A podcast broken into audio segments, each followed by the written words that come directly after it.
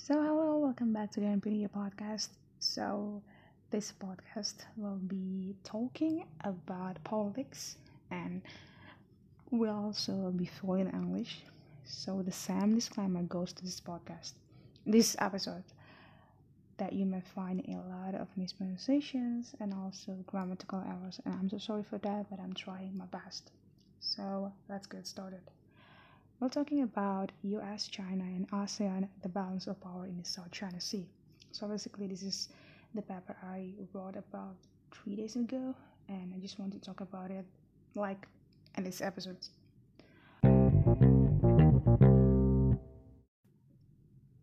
So let's get started.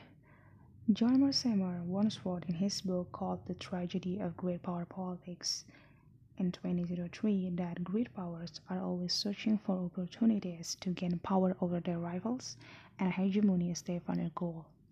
As others emulate the successful state, so power balancing ensues.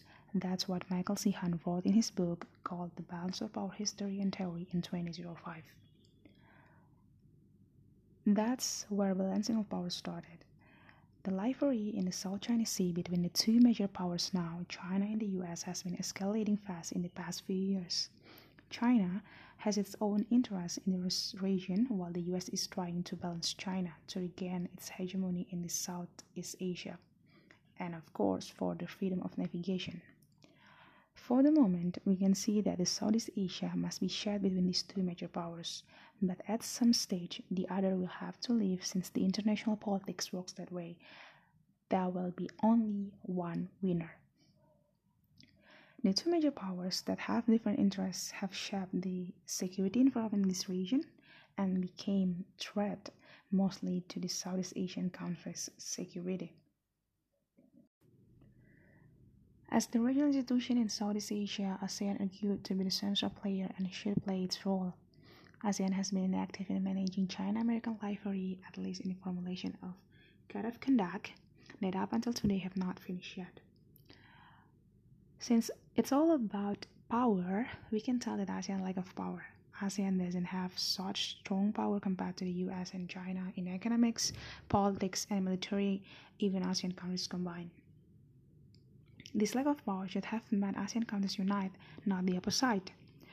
This is remain the main challenge of ASEAN to balancing China and US in South China Sea. In order to finalizing the code of conduct, it requires collective efforts from ASEAN countries, and ASEAN rely on the united ASEAN countries to have mutual understanding in code of conduct and finalize it.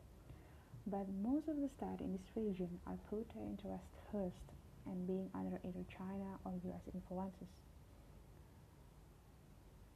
To this day, I would say that it's already a win for Beijing since most states in this region are in very deep engagement with Beijing's economy, and it has been leading to bias policy among ASEAN countries.